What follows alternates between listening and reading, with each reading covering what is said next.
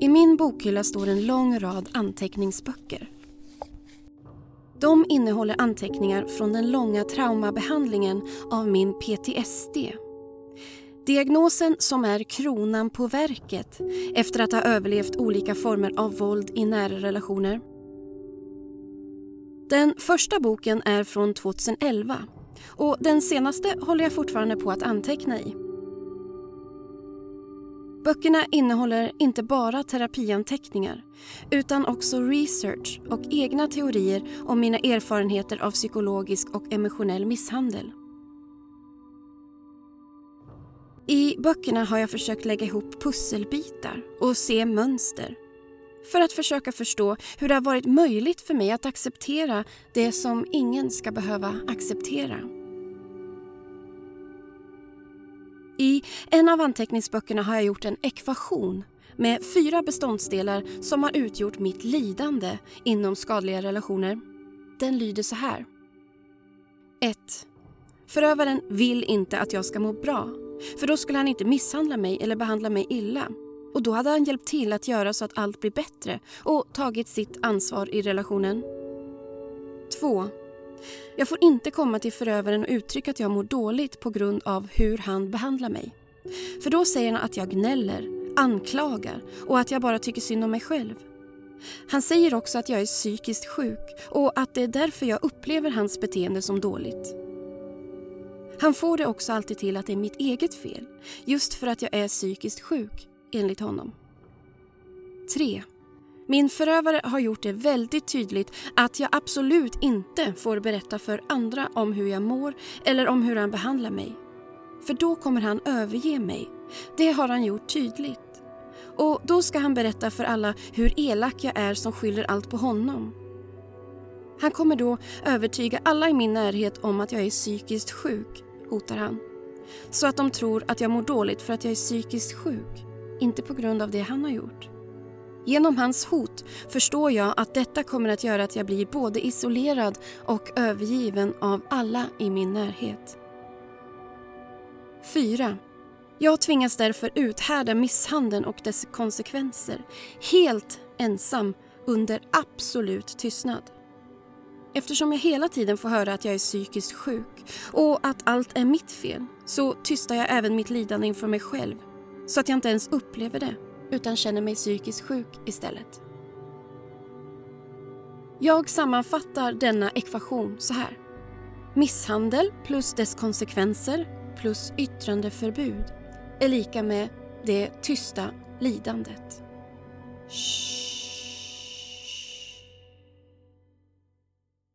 Jag heter Mia Makila.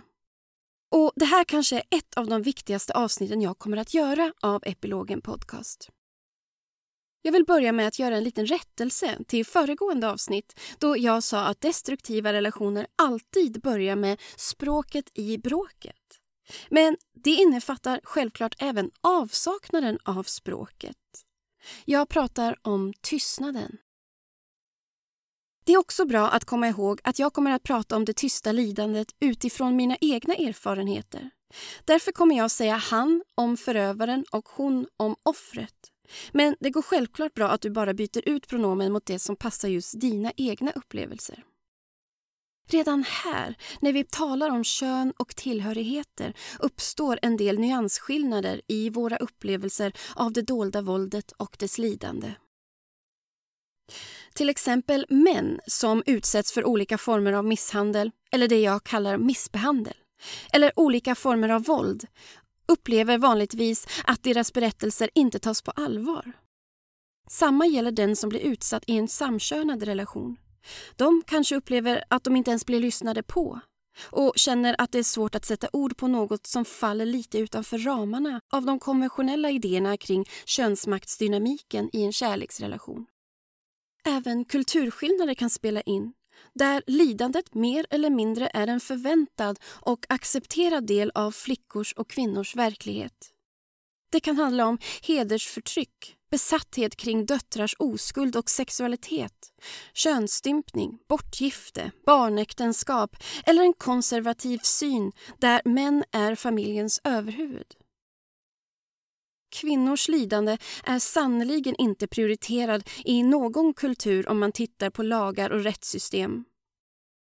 För några år sedan undertecknade Rysslands president Vladimir Putin en lag om betydligt mildare straff för den som utövar våld i hemmet. Det ger signaler om att skydda männen som misshandlar istället för kvinnorna som lider av det. Vårt samhälle genomsyras av giftiga patriarkala strukturer och mönster som ständigt kväver, förminskar och tystar ner kvinnors lidande i största allmänhet.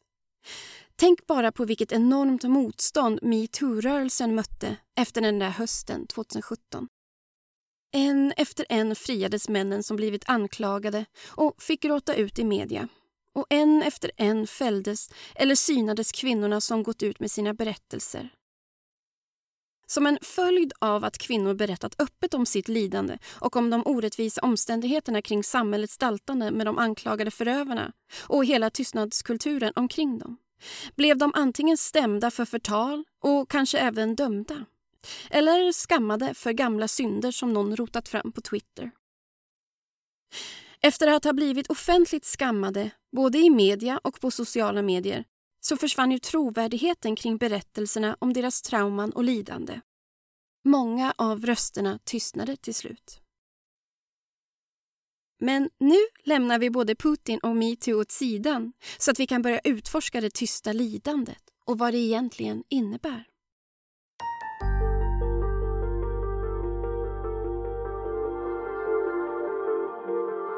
Först börjar vi med att definiera vad ett lidande innebär i detta sammanhang. Sammanhanget är upplevelsen av att befinna sig i en destruktiv relation eller upplevelsen av livet efter man har lyckats ta sig ur den. För även om du har lyckats ta dig ur en eller flera skadliga relationer så återstår lidandet som en utdragen förlängning av relationen. Det kan ta väldigt lång tid att ta sig ur lidandet som skadliga relationer skapar. Den emotionella skadan av det har liksom marinerat hela ens verklighetsuppfattning till den grad att lidandet blivit ett normaltillstånd. Jag brukar säga att det vi kallar emotionellt våld egentligen är det lidande som psykologisk missbehandel orsakar. Och självklart även andra former av våld. Lidandet innebär både emotionell och mental smärta och ofta även djup själasmärta. Lidandet är konsekvensen av att du befinner dig eller har befunnit dig i en långvarig situation där du lever med en påtaglig eller underliggande hotbild och som du upplever att du inte kan ändra på eller ta dig ur. En hotbild som du kanske inte ens kan ta på men som genererar rädsla, ångest, sorg, undertryckt vrede och resulterar i en paralysering och känsla av hjälplöshet och maktlöshet.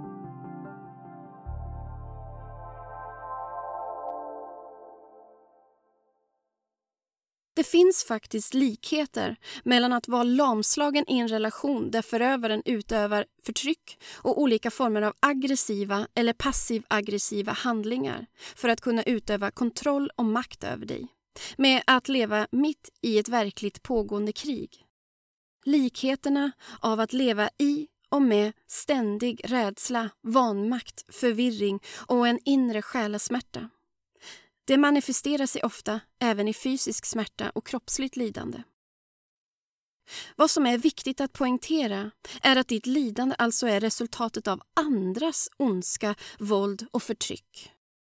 Det kommer ofta av förövarens egna psykologiska problem eller personlighetsstörning. Men det är tyvärr något som vi inte inser när vi befinner oss mitt i deras våld. Lidandet kommer därför inte från dig själv, även fast du upplever det som att det är du som genererar alla de där känslorna som du känner. Om du lider av dina upplevelser av ett krig betyder det inte att det är något fel på dig. Det är ganska givet, eller hur? På samma sätt kan vi sammanfatta att ditt lidande i en destruktiv relation betyder att det inte är något fel på dig. Tvärtom, faktiskt. Men det kommer vi prata mer om lite senare. Nu när vi har definierat vad vi menar när vi pratar om lidande ska vi gå vidare till att utforska tystnaden i min ekvation av det tysta lidandet. Om man nu inte råkar vara en masochist som medvetet ser till att skapa situationer som innebär lidande för sig själv för att kunna njuta av det, så vill ingen befinna sig i ett långvarigt och onödigt lidande. Det är en naturlig reaktion att vilja förändra sin situation till det bättre. Att vilja ge uttryck för sitt lidande så att det blir bekräftat, mottaget och förstått. För att på så sätt skapa en positiv förändring för att antingen lindra lidandet eller få slut på det. Och det är här det börjar bli riktigt obehagligt. För som om inte ditt lidande är nog så smärtsamt så får du inte äga upplevelsen av det. Istället ska ditt lidande och dina upplevelser av förövarens skadliga beteende tystas ner, avfärdas och förintas. Detta kan ske på många olika sätt. Jag har valt ut några av de taktiker som förövaren tar till för att tysta ner dig. Vi kan börja med att utforska en härskarteknik som på engelska kallas Darvo, som de flesta förövare använder sig av. Darvo är en förkortning för Deny, Attack and Reverse Victim and Offender, det vill säga förneka, attackera och omvända offret till förövare. Vi delar upp Darvo i sina tre beståndsdelar och vi börjar med det, det vill säga denial, förnekandet. När du kommer till förövaren med din upplevelse av ditt lidande som han orsakar dig kommer han inte se det som en ärlig och konstruktiv kommunikation. Inte heller som ditt rop på hjälp för att få må bättre. Han ser det bara som att du gnäller och klagar på honom och att din kritik är orättvis och elak och att du anklagar honom på falska grunder. I avsnitt fyra av den här podden gick vi igenom diagnoskriterierna för NPD, narcissistisk personlighetsstörning och kunde då se att narcissisten helt saknar förmåga att komma till självinsikt och kan därför inte ransaka sig själv eller förändras. Han vill inte heller förändras. Förövarens intention med relationen är inte att bygga en kärleksfull och trygg dynamik med sin partner utan för att få utöva makt och kontroll. Allting går ju ut på att han vill kunna övertyga sig själv om sin fabricerade och uppblåsta och överlägsna självbild. När en narcissist blir kritiserad skapas direkt ett glapp i hans självuppfattning. Om han blir kritiserad betyder det att han skulle vara något annat än felfri och överlägsen och det kan han inte acceptera. I det oacceptabla glappet skapas då en så kallad narcissistic injury, det vill säga en narcissistisk skada. Förövaren känner sig djupt kränkt av kritiken då glappet skaver i hans självuppfattning. Denna självbildsskada leder till det som kallas narcissistic rage, ett aggressivt eller passiv-aggressivt ursinne. I sitt ursinne förnekar han sina brister både inför dig och inför sig själv. Detta gör han med största övertygelseförmåga genom att säga Det har jag aldrig sagt. Eller Så gick det inte alls till. Eller att det är alltid du som börjar bråka. Eller att du hittar på minns fel eller att du överdriver. Han vill förminska ditt lidande och förneka det. Detta förnekande är definitivt en form av gaslighting med syfte att undvika att erkänna sanningen och sina brister. Undvika alla former av ansvarstagande och skuld. Och eftersom narcissister saknar förmåga att förankra känslor och tankar i en naturlig jaguppfattning utan endast i en fabricerad version av sig själv så är han därmed helt övertygad om att du har fel och han har rätt i sin verklighetsuppfattning. Hans bestämda övertygelse gör att du blir osäker och kanske backar i din kritik och håller tyst. Men om du fortsätter att stå upp för dig själv känner han sig provocerad och rättfärdigad att reagera. Det leder oss till nästa beståndsdel av härskartekniken Darvo. Till A, som i attack. Det går inte att ta miste på narcissistiskt ursinne även om den är yvigt aggressiv eller kyligt passiv aggressiv. I en Darvo-attack går förövaren till en motattack genom att använda både verbalt och psykiskt våld och kanske fler våldsformer, vilket bara skapar ännu mer otrygghet inom relationen och ännu större skada och lidande för dig. Jag brukar tala om en ”amen du då” attityd och den tar sig uttryck i att din kritik vänds mot dig genom att förövaren pekar på allt du gör fel och hur hemsk du är som människa. Han kan förlöjliga dig, förnedra, förödmjuka eller helt ignorera dig genom att använda silent treatment. Attackerna är en form av mobbing med syfte att skrämma dig till tystnad och lydnad. Det kan även innehålla hot. Hot om att överge dig, om otrevliga konsekvenser, hot om att stämma dig för förtal, hot om att förstöra för dig eller kanske någon form av utpressning. Han lägger även all skuld och skam på dig. Och det leder oss vidare till den sista beståndsdelen inom Darvo, det vill säga RVO, som i Reverse Victim and Offender, att omvända offret till förövare. Det är här allt blir så twistat och så komplext. Liksom svårt att få grepp om när det väl händer. Det är det som gör det så farligt och det är här ditt lidande verkligen tystas ned, till och med inför dig själv. Förövaren skuldbelägger dig genom att säga Se vad du fick mig att göra. Eller Det är bara du som får mig så här arg. Eller Inte konstigt att jag exploderar som du ständigt hackar på mig. Han gaslightar dig genom att spela på ditt självtvivel om vad som verkligen är sant och riktigt. Eftersom du redan är sårbar genom ditt pågående lidande av hans missbehandel är detta en svag punkt som gör att du är ett lätt byte för hans kraftfulla verklighetsförvanskning. Din verklighetsuppfattning krossas totalt av hans övertygande men fabricerade verklighet där han fallit offer för din aggressivitet, dina hemska anklagelser och dina attacker. Detta kallas victim playing, alltså att spela offer. Det är alltså inte samma sak som att vara ett offer. Men eftersom du är en empatisk person smälter du och din ursprungsintention av att stå upp för dig själv och ditt mående byts då ut till att känna skuld över hur jobbig, svår, gnällig och konfliktsökande du är. Detta kallas reversing reality. Nu har förövaren lyckats vända på din verklighetsuppfattning så att du ser det som att du utsätter honom för ett lidande. Och Eftersom du vet hur hemskt det är att lida är det lätt för dig att bekräfta hans offerstatus samtidigt som du känner dig som en hemsk och grym förövare. Han säger att du är sjuk och du känner dig sjuk. Han säger att du är galen och du känner att du håller på att bli galen. Han säger att din överkänslighet, din vilja att kontrollera honom och din aggressiva attityd mot hans personlighet skadar honom och att du är den med problemen i relationen.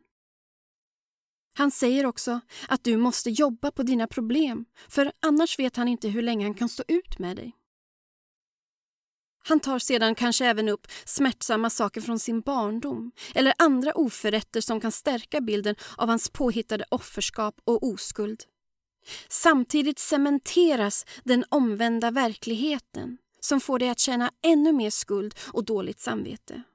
Han kan till och med uppvisa ett synligt lidande och börja gråta, älta hemska scener ur barndomen och sen vilja bli tröstad eller lämnad i fred genom att dra sig undan på ett dramatiskt och överdrivet sätt.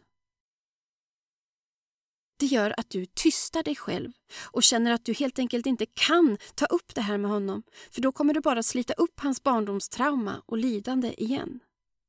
Du känner dig tvingad att vara lojal mot honom och därmed vara illojal mot dig själv, mot din inre röst, dina egna behov och mot din egen verklighetsuppfattning.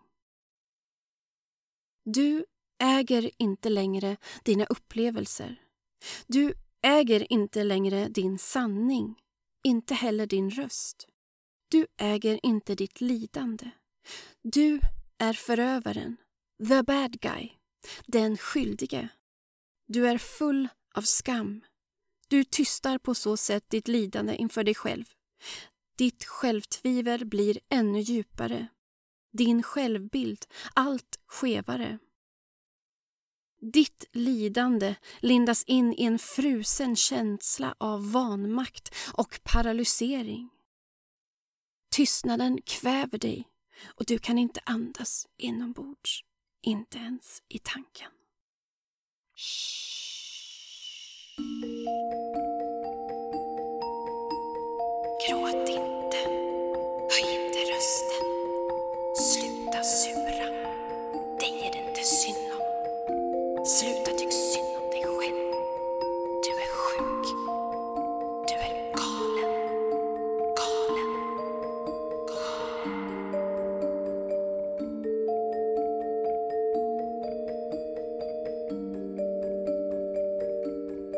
Termen inlärd hjälplöshet myntades 1967 av psykologen Martin Seligman i anslutning till ett psykologiskt experiment på hundar och råttor. Djuren placerades i lådor med två knappar. Om de tryckte på ena knappen fick de mat och tryckte de på den andra knappen fick de en elektrisk stöt. Djuren lärde sig snabbt vilken knapp som gav vilken följd men då bytte försöksledarna knapp så att djuren aldrig visste vilken knapp som gav vilken respons. Det visade sig att djuren till slut blev apatiska av att inte kunna förutse vilken knapp som gav vilken respons eller hur de skulle kunna undvika att eventuellt få en stöt. Och då föredrog de att svälta sig själva till döds. Liknande responser förekommer hos oss människor när vi inte kan förutse följder av irrationella situationer och sånt vi inte kan förhålla oss till. Det är detta som kallas inlärd hjälplöshet.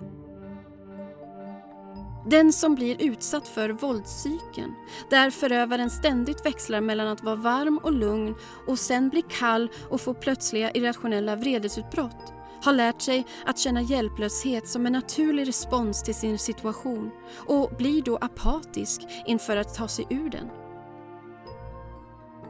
Det tysta lidandet är därför till stor del just inlärd hjälplöshet. När vi inte kan påverka vår situation och inte heller förutse förövarens reaktioner blir vi mentalt paralyserade.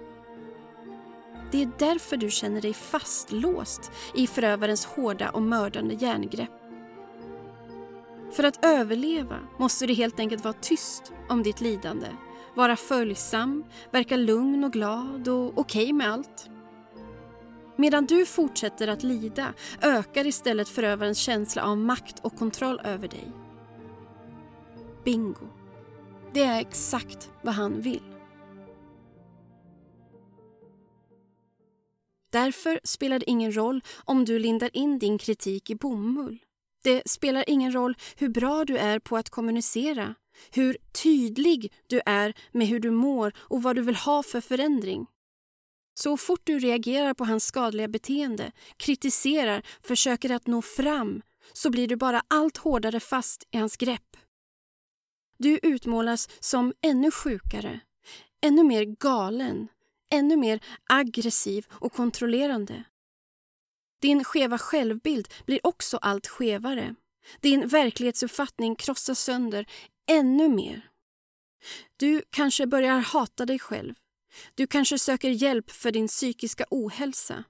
Du kanske får en diagnos som inte känns helt okej, okay, men du vill bara må bättre. Du kanske får medicinering.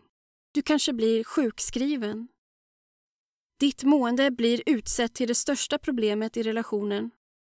Du börjar bete dig och reagera på sätt som du inte brukar. Han får dig att bli aggressiv när han trycker till på dina ömmaste punkter. Du kanske svarar med samma mynt som han ger dig. Du känner inte längre igen dig själv. Du är helt jävla lost. Jaha, var det den här versionen av mig själv som jag skulle bli när jag blev vuxen? Tänker du. Sjuk, svag, misslyckad, problematisk. Jag tänker att vi kan använda oss av en liknelse en slags klyscha som ofta förekommer i skräckfilmer som porträtterar livet innanför ett mentalsjukhus. Låt oss se om det finns några likheter med vår känsla av att stå maktlösa och handlingsförlamade inför det tysta lidandet. Om du skulle vara känslig för just temat med mentalsjukhus kan du spola fram en minut eller två i avsnittet. Det är inte meningen att podden ska förstärka någons lidande utan ge kunskap och insikter som är tröstande och stärkande. Ni andra får försöka leva er in här och jag ska hjälpa er med att skapa lite creepy stämning.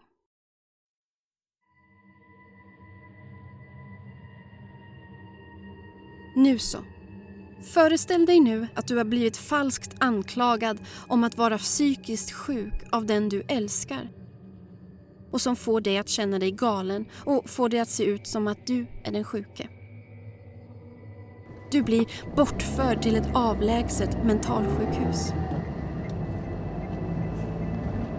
Din partner överger dig där och det finns inget sätt för dig att ta dig därifrån.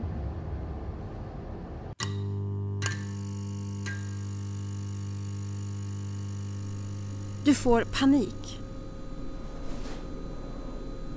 Sköterskor i vita uniformer försöker lugna dig genom att säga Shh och lägger dig på en brits med fasta, bestämda tag. De spänner fast dina handleder och vrister med tjocka bälten av läder som sitter fast med korta kedjor i kanterna av britsen.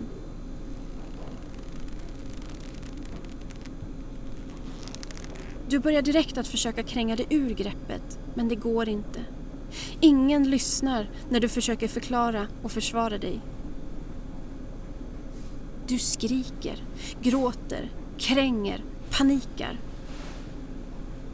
De säger bara och så ger de dig en spruta för att du ska bli lugn, lydig, foglig och tyst.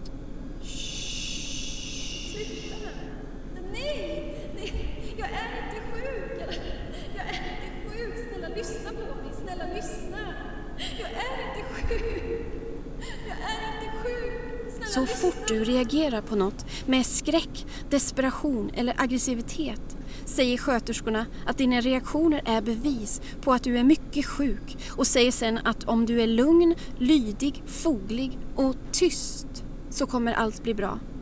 Då kommer du friskförklaras.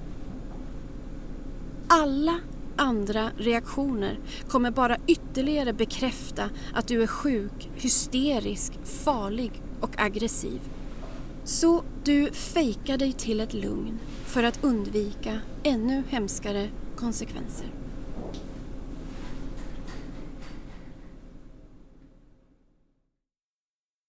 Även om det här är en fiktiv scen och tillika skräckfilmsklyscha så är det en bra liknelse över hur det känns att bli tystad med argumentet om att man är sjuk eller galen. Känslan av att man själv är den som är farlig och skadar andra när man uttrycker sitt lidande. Detta är ett klassiskt exempel på det som kallas victim blaming. Din förövare har inte bara gjort sig själv till offret i den förvrängda verkligheten. Han utnyttjar även ditt förtroende du har gett honom under de stunder då du uttryckt ditt lidande för honom. Han använder det nu mot dig. Ditt dåliga mående kanske är känt i hans närmsta omgivning och då har han en chans att exploatera det genom att klaga inför vänner och familj kring hur jobbigt det är att dela med dina problem. Allt för att skapa misstro kring dig som person och för att gardera sig inför eventuella framtida situationer där han behöver misskreditera dina upprorsförsök eller försök att komma ur hans grepp. Han investerar i att bygga ett narrativ där ditt lidande och ditt påtagliga dåliga mående är orsaken till problemen i er relation. Så om du skulle lämna honom har han redan sått ett frö av tvivel och lögner till sin omgivning för att hålla andra människor borta från att snoka i hur det verkligen ligger till. Skulle du berätta för omgivningen om ditt lidande av hans skadliga beteende har de redan med sig sin misstro mot din berättelse Kanske är din berättelse bara ännu ett uttryck för din galenskap, tänker de då. Han gör allt detta för att få behålla bilden andra har av honom som en person som aldrig skulle kunna skada en annan människa. Du känner av detta. Du vet att omgivningen har en skev bild av dig. Men försöker du vara extra snäll, extra god, extra kärleksfull mot andra för att överkompensera hur din skeva självbild har exploaterats saboterar du bara för honom. Visar du din godhet hatar han dig ännu mer. Du förstör ju hans narrativ om er relation. Och då straffar han dig för det också. Du måste helt enkelt vara monstret och du ska bara vara tyst. Men på riktigt nu, varför är förövaren så besatt av att tysta ner ditt lidande?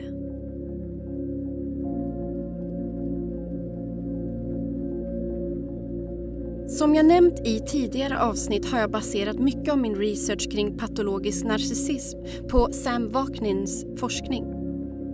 Han är professor i psykologi, författare och ledande röst inom den internationella forskningen om narcissistisk personlighetsstörning.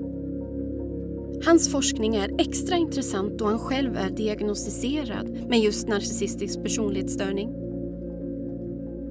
Vaknin menar att narcissisten behöver din smärta, ditt trauma och ditt lidande som ett vampyrliknande uttryck av balans för sin egen själasmärta. Det är sant att narcissisten själv utsatts för trauma i barndomen.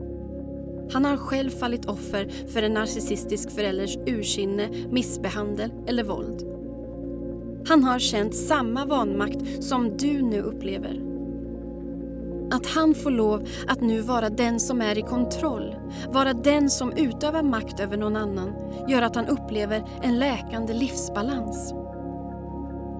Genom att se till att skapa både trauman och lidande för dig får din förövare på så sätt en slags upprättelse för sitt eget trauma och lidande.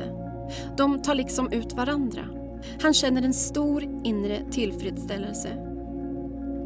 Inte som en sadistisk njutning, mer som ett slags twistat katharsis. Han blir hel, som människa. För att känna sig hel måste han därför missbehandla dig och livnära sig på ditt lidande. Vaknin säger att på så sätt får han lov att återuppleva sitt barndomstrauma och istället för att gå under kan han istället triumfera över det. Empatiska människor stannar ofta i relationer med narcissister för att de ser det sårade inre barnet hos dem och vill därför rädda dem från deras lidande. Det ironiska är att du endast kan rädda din förövare om du förstör dig själv genom att du tillåter att han förstör dig. Du måste offra dig för honom. Du måste äga hans trauma. Traumat måste finnas utanför honom själv.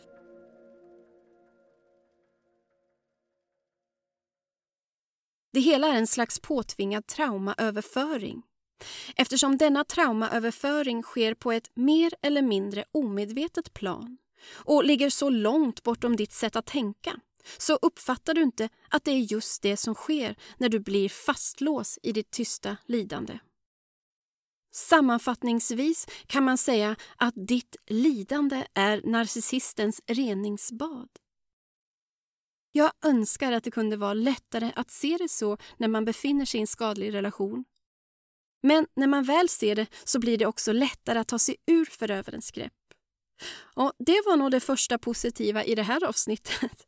Men nu vänder det, jag lovar.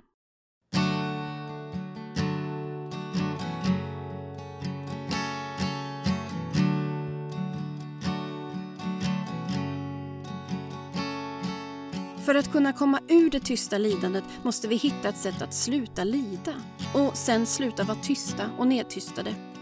Vi måste våga testa att göra uppror istället för att bara göra motstånd. Vi måste våga befria oss ur relationen istället för att fortsätta reagera i stunden. Vi måste börja våga handla på nya sätt för att få nya resultat. Det gör man endast genom att börja sätta gränser runt sig Solida gränser som inte går att kompromissa. Säg till dig själv och mena det du säger. Här drar jag min gräns. Jag har fått nog. Jag finner mig inte längre i situationen. Nu tar jag kontrollen över mitt liv. Börja äg din röst. Använd den. Ta tillbaka din verklighetsuppfattning. Ring en kvinnojour. Tala med en vän. Börja gå i terapi. Leta efter stöd i din omgivning. Om det är möjligt, lämna den skadliga relationen på ett eller annat sätt. Kanske genom att gå, eller sluta höra av dig eller distansera dig på ett sätt som gör att du stänger av dina känslor och därmed inte längre behöver lida.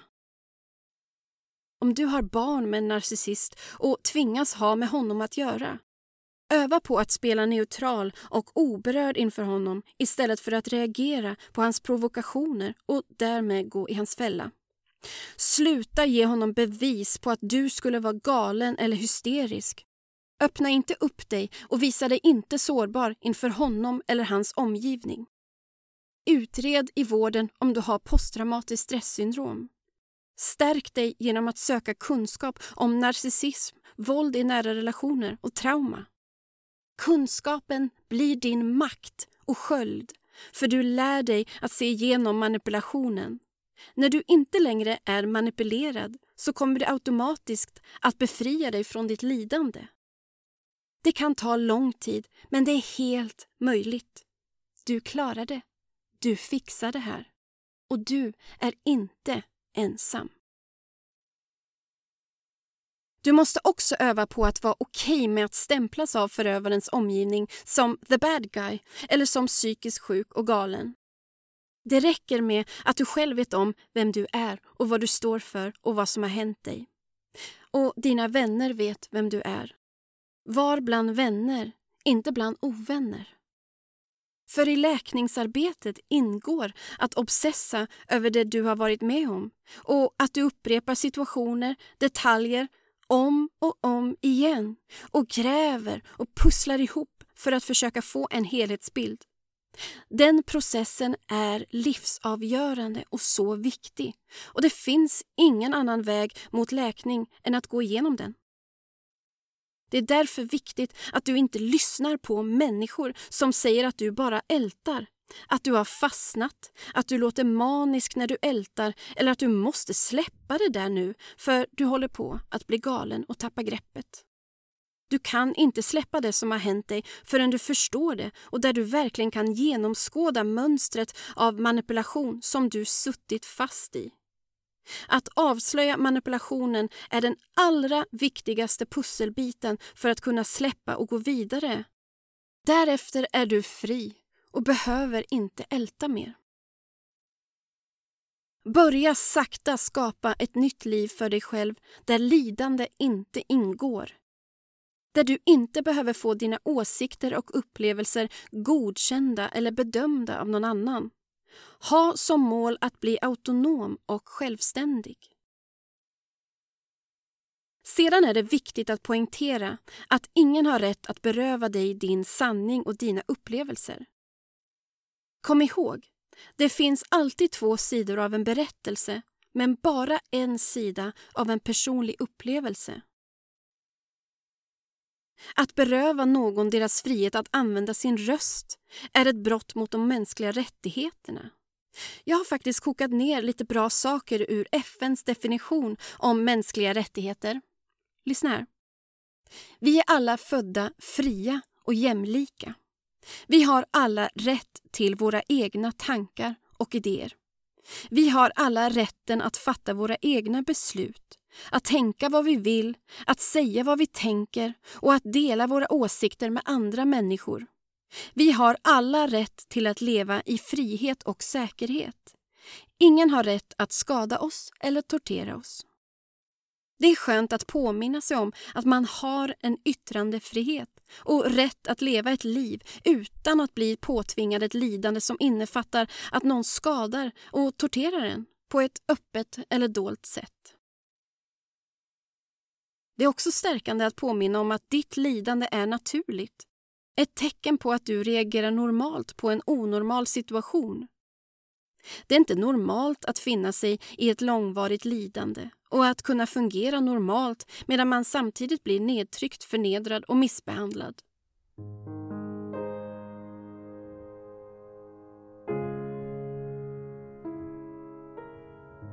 Snälla, älskade du. Dina sjuka upplevelser gör dig inte till ett freak. Ditt lidande gör dig inte jobbig eller svår. Du förtjänar att bli mottagen med värme, förståelse och tålamod.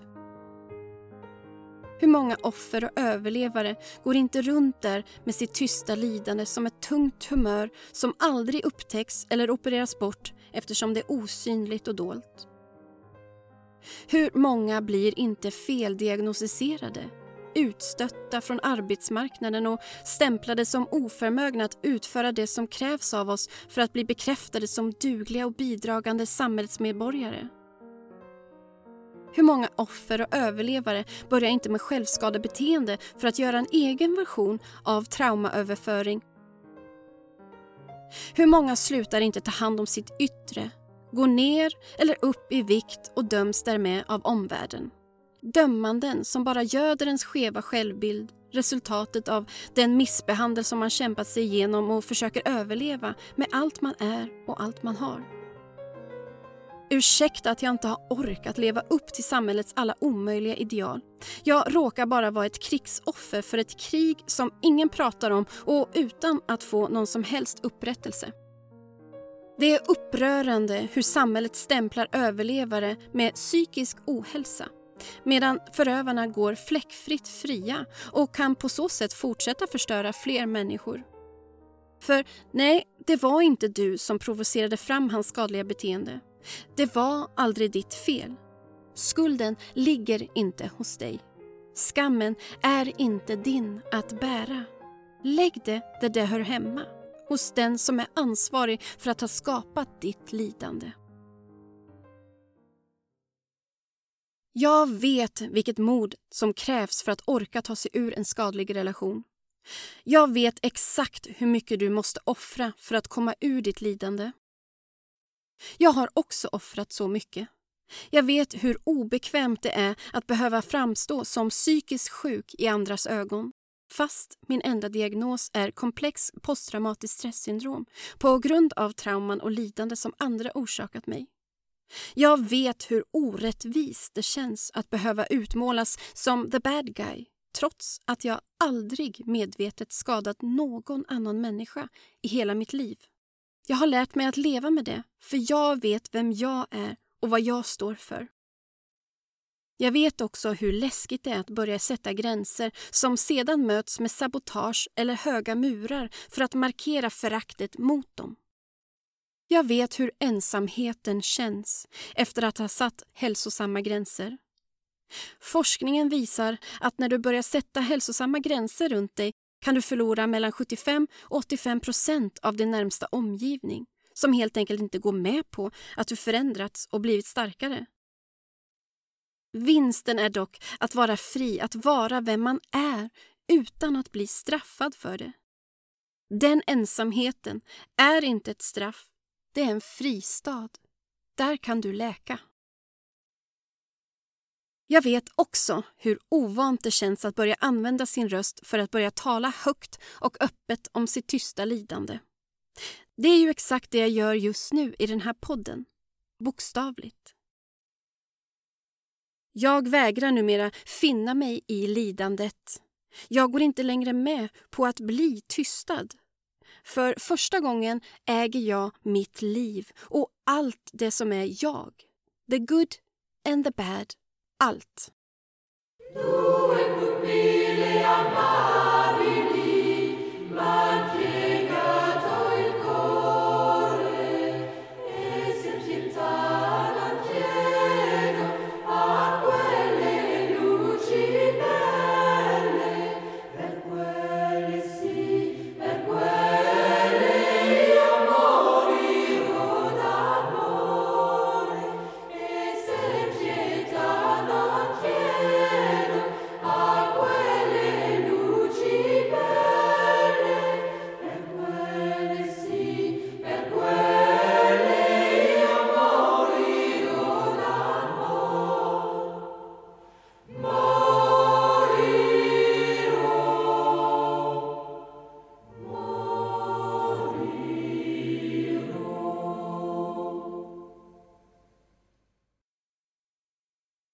Avslutningsvis vill jag bjuda er på några rader ur psykologen och författaren Pete Walkers manifest över de mänskliga, själsliga rättigheterna som jag hittade på vuxnabarn.nu. Jag har rätt att bli behandlad med respekt. Jag har rätt att säga nej. Jag har rätt att göra misstag. Jag har rätt att förhandla om förändring.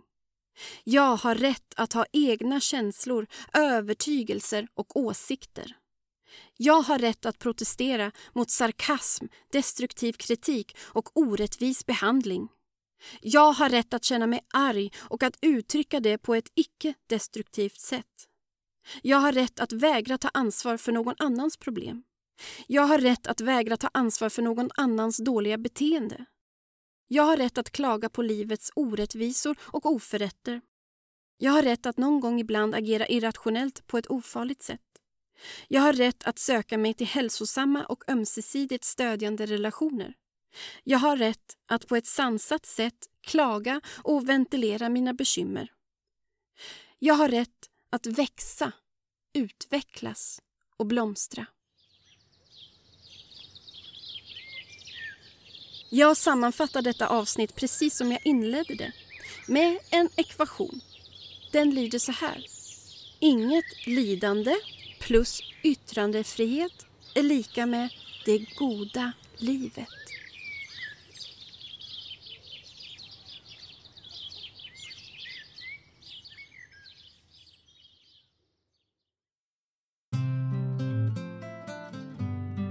Jag heter Mia Makila och det här är Epilogen Podcast. Tusen tack till dig som lyssnat. Dela gärna den här podden för att fortsätta sprida kunskap om lidandet inom destruktiva relationer. Jag kommer prata om hur man bygger sig ett nytt liv som är fritt från lidande i framtida avsnitt. Så följ gärna den här podden för fler avsnitt. Och följ gärna Epilogen Podcast på Facebook och Instagram för att hålla dig uppdaterad. Om du vill dela med dig av din berättelse i podden, din epilog, eller bara vill ge lite feedback. Mejla på epilogenpodcast gmail.com Musiken i avsnittet är poddsäker. Mer info om vilka låtar finns i avsnittsbeskrivningen. Ta.